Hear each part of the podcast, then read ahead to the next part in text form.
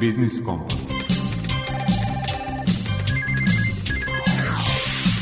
Biznis Kompas.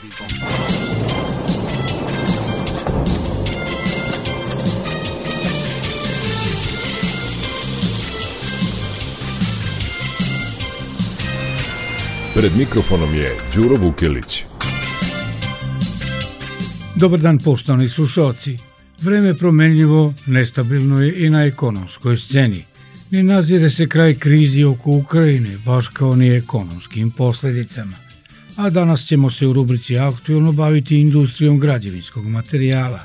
Imali kraja poskupljenjima i pretili nam nestašica. O tome smo razgovarali sa sekretarom Udruženja za građevinarstvo u Privrednoj komori Srbije Ivanom Vuletić i direktorom Udruženja Cementna industrija Srbije Dejanom Milenković. Gost autoru rubrike iz mog ugla je direktor Centra za četvrtu industrijsku revoluciju Jelena Bojović. Govorit će o motivima za osnivanje i temama sa kojima će se baviti taj centar. Rukovodilac projekata za razvoj malih i srednjih preduzeća u regionalnoj razvojnoj agenciji Bačka Marija Prokopić u današnjem svetu preduzetništva predstavlja Startek konkurs podrške inovacijama i digitalnoj transformaciji. Rok za prijavu ističe 18. maja. Tema rubrike Predmet financije je prevremena otplata kredita, o merama kojima je Narodna banka Srbije pojednostavila proceduru i dodatno zaštitila klijente, govori viši savjetnik za regulativu i kontrolu primene propisa u oblasti zaštite korisnika finansijskih usluga u Narodnoj banci Nikola Đukić. Pravni savjetnik u Udruženju za zaštitu potrošača Vojvodine Mladen Alfirović upozorava u rubrici Potrošačka korpa prava na oprez prilikom kupovine jaja za vaskršnje praznike i sezonskog voća i povrća.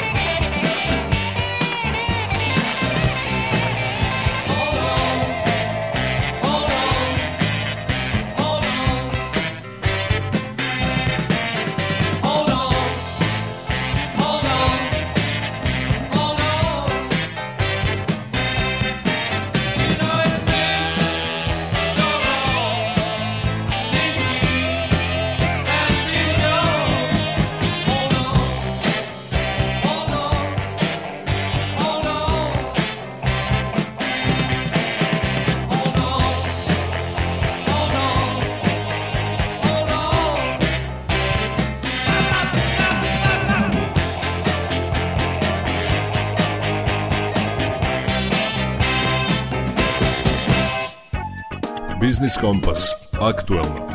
Industrija građevinskog materijala se prethodnih meseci našla između čekića naraslih svetskih cena energenata i sirovina i nakovnja naraslih potreba građevinarstva. Sekretara Udruženja za građevinarstvo i industriju građevinskog materijala u Privrednoj komori Srbije Ivanu Vuletić pitali smo da li ta industrija obimom proizvodnje i cenama ugrožava izvođenje građevinskih radova. Za sada ne postoje zastoji u, u izvođenju radova. Sve kompanije rade na projektima na kojima su angažovane i nemam informaciju da je neko prestao s radima. Naravno, poteškoće su prisutne, poteškoće u smislu promene cena m, građevinskih materijala i baš zbog toga smo i pozvali ministarstvo da zajednički razgovaramo sa kompanijama o mogućnošću korekcije cena koje su ugovorene, a koje su nesrazmerno niže u odnosu na cene koje se trenutno pojavljaju na tržištu. Vuletićeva napominje da su ozbiljnija poskupljenja inputa u industriji građevinskog materijala počela godinu pre izbijanja ukrajinske krize, a ona ih je dodatno intenzivirala. Cene su porasle najviše i najprimetnije u čeličnim proizvodima, odnosno u armaturi i proizvodima iz te palete, tako da smo od 750 evra, ajde da kažemo okvirno početkom marta meseca, cenu armature dobili sada na nešto preko 1000 evra. Na narastajuću cenu armature, dodaje Vuletićeva, nadograđena je neizvesnost oko nabavke posebno uvoza otpadnog vožđa za proizvodnju betonskog čelika – Najbolja ilustracija neizvesnosti je što prodavci i distributeri traže avansno plaćanje uz važnost ponude 1 do 3 dana. Kao problem zreo za preventivno delovanje, Ivana Vuletić navodi i snabdevanje sirovinama opekarske i keramičarske industrije. Paradoks je u tome što je reč o domaćim sirovinama. Keramička glina postoji u Srbiji, mi imamo nalazište, imamo sirovinu, Međutim, e, usled poremeća na svetskom tržištu, odnosno evropskom, e, predstavnici velikih kompanija iz Italije, Španije, Bugarske, drugih zemalja Evropske unije dolaze u Srbiju sa zahtevima za kupovinu ove važne sirovine za proizvodnju opekarskih proizvoda i nude nesrazmerno velike cene u odnosu na one kojima se ovom glinom trguje na tržištu Republike Srbije. A što se tiče ključnog i najtraženijeg građevinskog materijala cementa, prvi meseci 2022. su obećavali rast u odnosu na prošlu veoma uspešnu godinu, kada je proizvedeno 2,6 miliona tona. Ključna nevolja je kako visokokalorični ugalj iz Rusije i Ukrajine zameniti uvozom otpada kao energenta – ono zašto se mi zaista zalažemo, evo gotovo dva meseca i tu nam Privredna komora Srbije u velikoj meri pomaže, a to je da pokušamo zajednički sa državom da promenimo nacionalni regulatorni okvir kojim se uređuje uvoz otpada, odnosno da obezbedimo mogućnost da ne samo cementna industrija, već celokupna energetski intenzivna industrija u Srbiji ima mogućnost za korišćenje alternativnih goriva sa tržišta Evropske unije.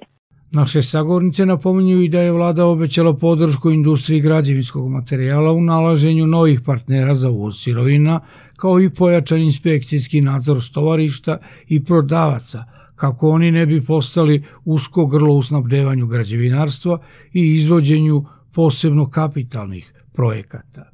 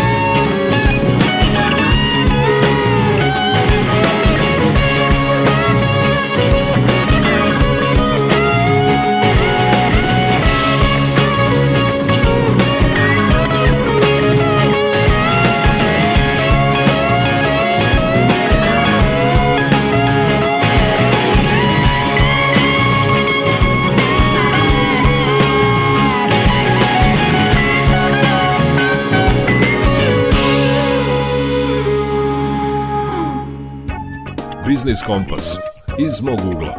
Činjenicu da je usvajanje novih znanja i tehnologija prečica u hvatanju koraka sa najrazvijenijim zemljama, Srbija je prihvatila formiranjem Centra za četvrtu industrijsku revoluciju. Direktor centra Jelena Bojović objasnit će u rubrici iz mog ugla motive za formiranje i teme kojima će se centar baviti. Centar za četvrtu industrijsku revoluciju počeo sa radom u martu mesecu na osnovu sporazuma između vlade Republike Srbije i Svetskog ekonomskog foruma. Um, sam centar je, je jedan od 16 u svetu, odnosno 16. koji je napravljen u svetu, a tek treći u Evropi. U Evropi postoji još centar e, koji je osnovan u Norveškoj i u Rusiji, a centar u Srbiji je znači treći u Evropi, a prvi u našem regionu, u regionu Balkana. S obzirom da četvrta industrijska revolucija obećava zajednički prosperitet je najavio neka pametna nova tehnološka rešenja, država Srbije je rešila da e, se e, pozabavi ovim pitanjem, odnosno e, često ta tehnologija ne bude dovoljno ispraćena, ne, bude dovoljno brzo ispraćena od strane institucija, od strane javnih politika, od strane propisa, tako da je potpisivanjem ovog ugovora sa Svetskim ekonomskim forumom i osnivanjem centra država pokazala da želi što pre da se pripremi za novu tehnologiju, da iskoristi tako da unapredi život ljudi. Revolucija donosi neka unapređenja, a to država treba da iskoristi. Upravo zato e, je uloga ovog Centra za žrtvu industrijsku revoluciju da oblikuje te nove politike i pomogne u sprovođenju tih, da kažem, strateških e, projekata, a koje su oblasti kojima će se centar baviti? U pitanju je oblast veštačke inteligencije i e, bioinformatike. E, centar treba pre svega da utiče između ostalog na percepciju naše srpske ekonomije u svetu. Treba da profiliše Srbiju kao zemlju znanja u ove dve oblasti koje sam pomenula, biotehnologija i veštačka inteligencija, i da u njima pokušamo da se nametnemo kao lideri. Um, ono što često kažem jeste da mi ne možemo uh, sada da gledamo u druge i krenemo ka nečemu što su drugi uradili pre nas pa da trčimo za njima, zato što ćemo onda uh, uvek kasniti za njima. Znači, ideja centra je u stvari da mi budemo prvi, da mi budemo lideri u ovim oblastima koji su novi i za, i za um, ceo svet. Znači, da pozicioniramo Srbiju kao mesto koje drugi gledaju šta su neke teme dodatne, pomenula sam veštačku inteligenciju i biotehnologiju, ali u stvari industrija podataka, mašinskog učenja, razvoj personalizovane medicine, genskog inženjeringa su u stvari teme kojima će se e, centar baviti. Ono što ćemo raditi jeste spajat ćemo nauku i privredu i e, trudit ćemo se da fundamentalne istraživanja, istraživanja koje se dešavaju na našim institutima u okviru naših fakulteta u oblasti biotehnologije, u okviru molekularne biologije i medicine da iskoristimo za razvoj privrede. Znači, s jedne strane da pomognemo da se ta fundamentalna istraživanja, e, da se bavimo i dalje e, istraživanjima naukom u ovim oblastima, s druge strane da napravimo vezu između nauke i privrede i pomognemo privredi da koriste ta nova tehnološka rešenja kojima se e, e, nauka bavi, a sa treće strane da e, mi kao građani, mi kao e, korisnici svih tih sistema osetimo korist za sebe same. Znači da se iskoriste ta znanja tako da se razvija dalje terapeutika u smislu pametna diagnostika e, u zdravstvu, znači da brzo, na vreme dobijemo informaciju i znanje, da imamo znanja o personalizovanoj medicini, ali da znamo da kažem da imamo mogućnosti i e, rane pametne diagnostike, razvoj dalje genskih terapija, ćerijskih terapija i razne druge, da kažem, biomedicinske svrhe, razne druge biomedicinske svrhe bazirane pre svega na novoj digitalnoj tehnologiji. Znači, krajnji cilj nam jeste da građani Srbije u stvari osete boljitak od nove tehnologije, pre svega u oblasti zdravstva.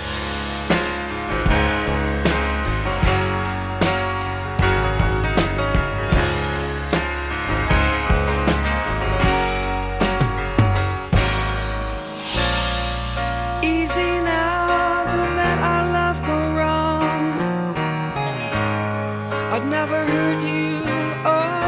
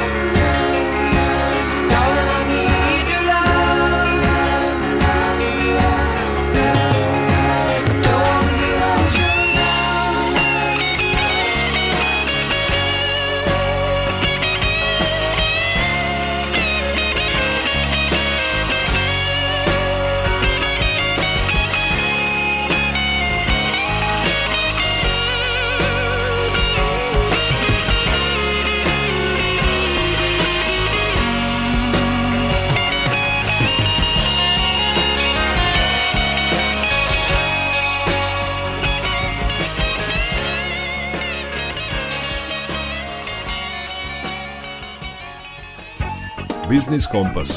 Svet preduzetništva. U današnjem svetu preduzetništva rukovodilac projekata za razvoj malih i srednjih preduzeća Marija Prokopić predstavlja Startek konkurs podrške inovacijama i digitalnoj transformaciji. Rok za prijavu na konkursu ističe 18. maja. Nalet i vlada Republike Srbije uz podršku kompanije Philip Morris u okviru ovog StarTech programa podrške inovacijama i digitalnoj transformaciji privrede organizuju godišnje konkurse za podršku start-upovima, preduzetnicima, mikro, malim i srednjim preduzećima i sve one koji imaju inovativne biznis ideje ili žele da transformišu svoje poslovanje uvođenjem novih tehnologija. Ovo je drugi put da se e, raspisuje ova vrsta poziva, a prošle godine kroz ovaj poziv dodeljeno je milion dolara bespovratnih finansijskih sredstava i oko 1000 sati ekspertske podrške za realizaciju biznis planova, pri čemu se vrednost pojedinačnih grantova kretao od 15.000 do 100.000 dolara, a sve opet u zavisnosti od korisnika i vrste podrške. Inače, Sam poziv je podeljen u tri takozvana lota. Prvi lot predstavljaju podršku start-upovima sa inovativnim idejama i ko može da konkuriše timovi u osnivanju i start-up biznisi koji su registrovani najranije 1. januara 2019. godine. Namena jeste razvoj inovacija, dokazivanje koncepta, izrada prototipa, implementacija ili komercijalizacija inovacije. Vrednost grantova u okviru ovog prvog lota kreće se od 15 do 25.000 dolara, a, gde je minimalno učešće samih korisnika, znači sufinansiranje 10%. Što se tiče drugog lota, ovde mogu da učestvuju mikro, mala i srednji privredni subjekti koji su registrovani najkasnije 31. decembra 2018. godine, a namena jeste e, da se finansiraju projekti koji za cilj imaju implementaciju, odnosno komercijalizaciju neke inovacije ili digitalna transformacija privrednih subjekata. Ovde je vrednost grantova nešto viši i kreće se od 25.000 dolara do 50.000 dolara, a gde se od učesnika očekuje da 20% od ukupne inovacije, odnosno investicije, sufinansiraju. Što se tiče trećeg lota, ovde mogu da konkurišu mikro, mala i srednji privredni subjekti koji su registrovani najkasnije 31. decembra 2018. godine, a, a cilj a, ovog lota jeste podrška malim i srednjim biznisima za razvoj inovacija ili digitalnu transformaciju, gde je cilj povećanje izvoza ili povećanje radnih mesta. Inače ovde je i najveći iznos grantova i kreće se od 50.000 dolara do 100.000 dolara, a od učesnika se očekuje da sufinansiraju investiciju 30%, znači od ukupne investicije jeste sobstveno učešće. A, mnogo više o ovom pozivu i o svim pojedinačnim lotovima koje sam navela mogu se naći na sajtu startek.org.rs. Isto tako mogu se naći i na sajtu Regionalne razvojne agencije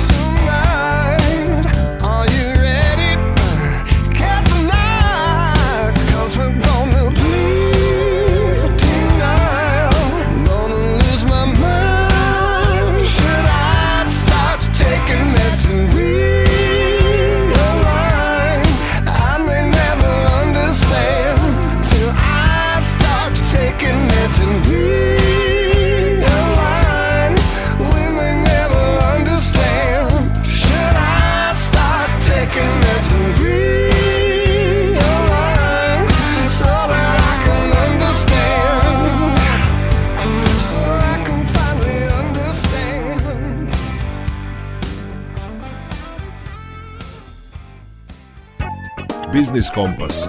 Predmet financije.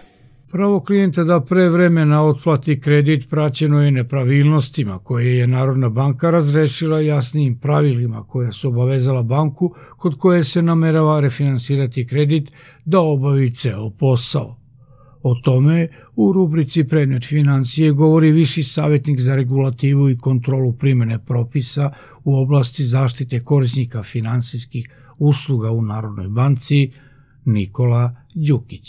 Pitanje prevremene oplate kredita definisano je zakonom o zaštiti korisnika, gde je jasno naznačeno i propisano da korisnik ima pravo da u bilo kom trenutku u potpunosti ili delimično izvrši svoje obaveze ugovora o kreditu, dakle da ih prevremeno otplati i on u tom slučaju ima pravo na umanjenje ukupne cene kredita za onaj deo koji predstavlja iznos kamata i troškova za preostali period trajanja tog ugovora.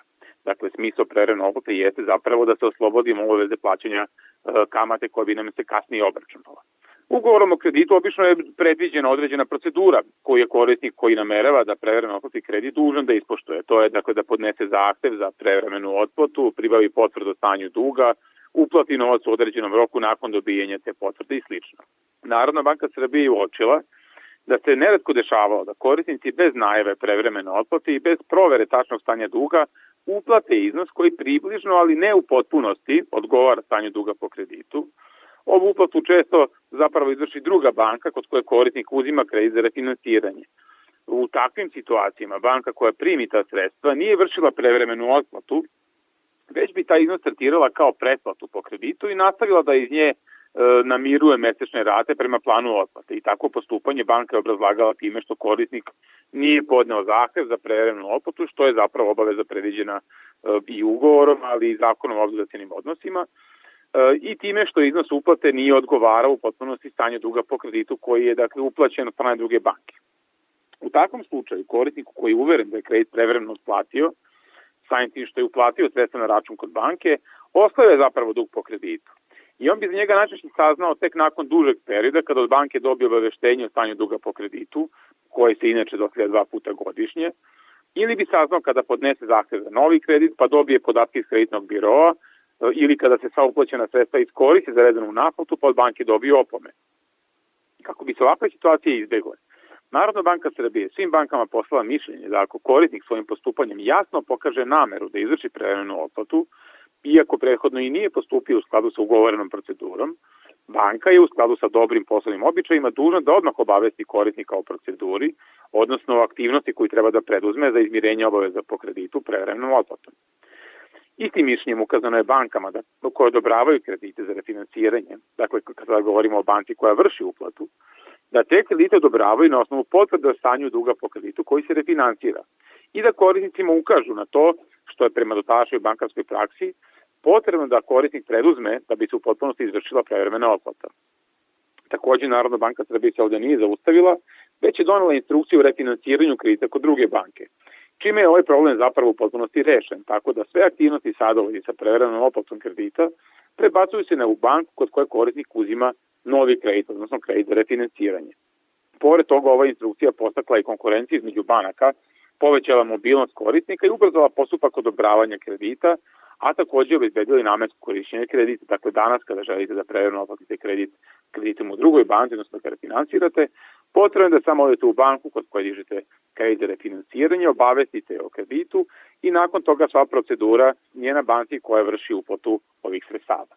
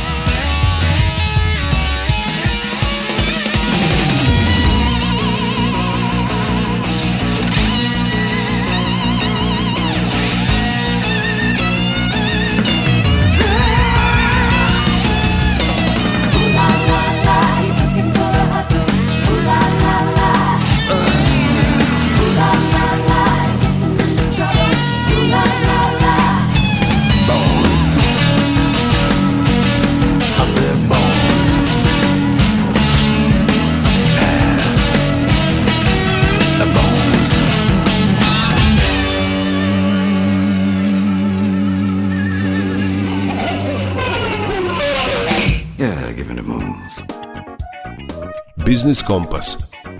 Potrošačka korpa prava. Vaskršnji praznici narasla ponuda konzumnih jaja, odnosno prepune pijace sezonskog voća i povrća, nalažu i oprez da povedete računa o kvalitetu tih namirnica, upozorava pravni savjetnik u Udruženju za zaštitu potrošača Vojvodine, Mladen Alfirović.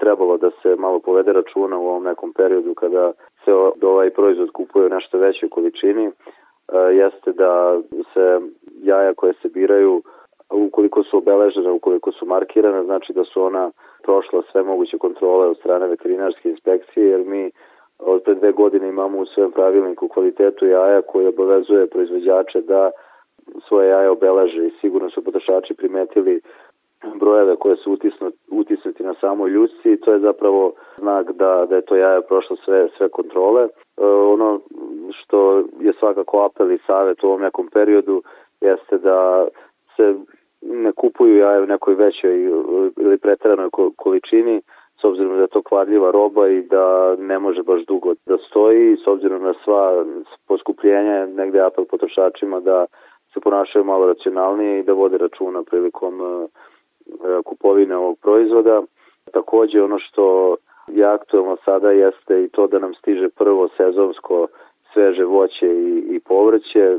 Pijace su prepune, ponuda je kao i svake godine raznovrsna, međutim ono što je ove godine sigurno drugačije u odnosu na neke prethodne jesu i veće cene koje su nastale kao posledica krize i rata e, Ukrajini. Generalno trend je poskupljenja osnovnih životnih namirnica Međutim, ono na, na što treba obratiti pažnju u ovom periodu kada stiže prvo voće e, jeste i način na koje se ono tretira i priprema za, za konzumaciju e, s obzirom na to da recimo jagode koje su sada već se mogu nabaviti po nekim povoljnijim cenama i generalno su omiljeno voće koje stiže u ovom periodu.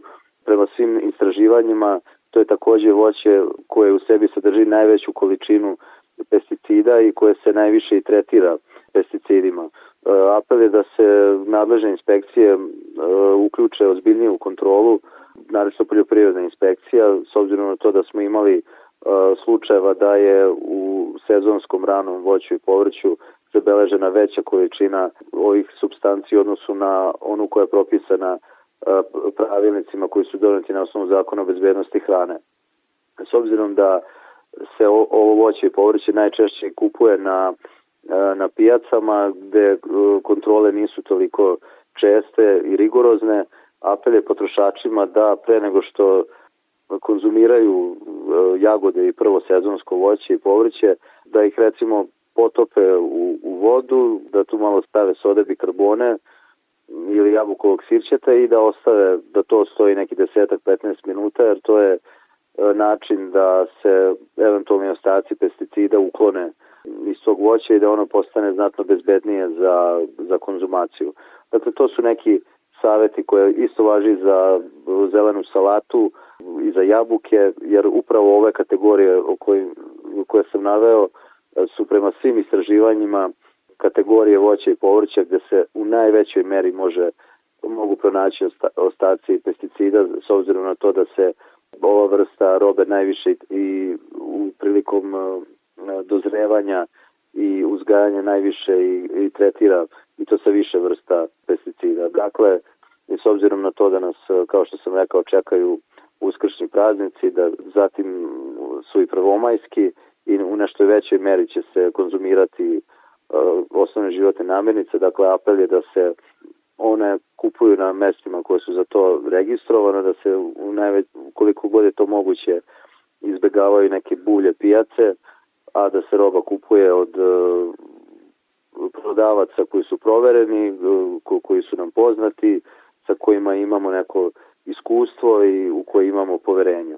Čak i ako se odlučimo da kupujemo na nekim mestima koja prolaze malo ređe kontrole od strane nadležnih inspekcija, bitno je da imamo poverenje da imamo nekog svog eh, proizvođača kod koga se tradicionalno snabdevamo ovim osnovnim životnim namirnicima.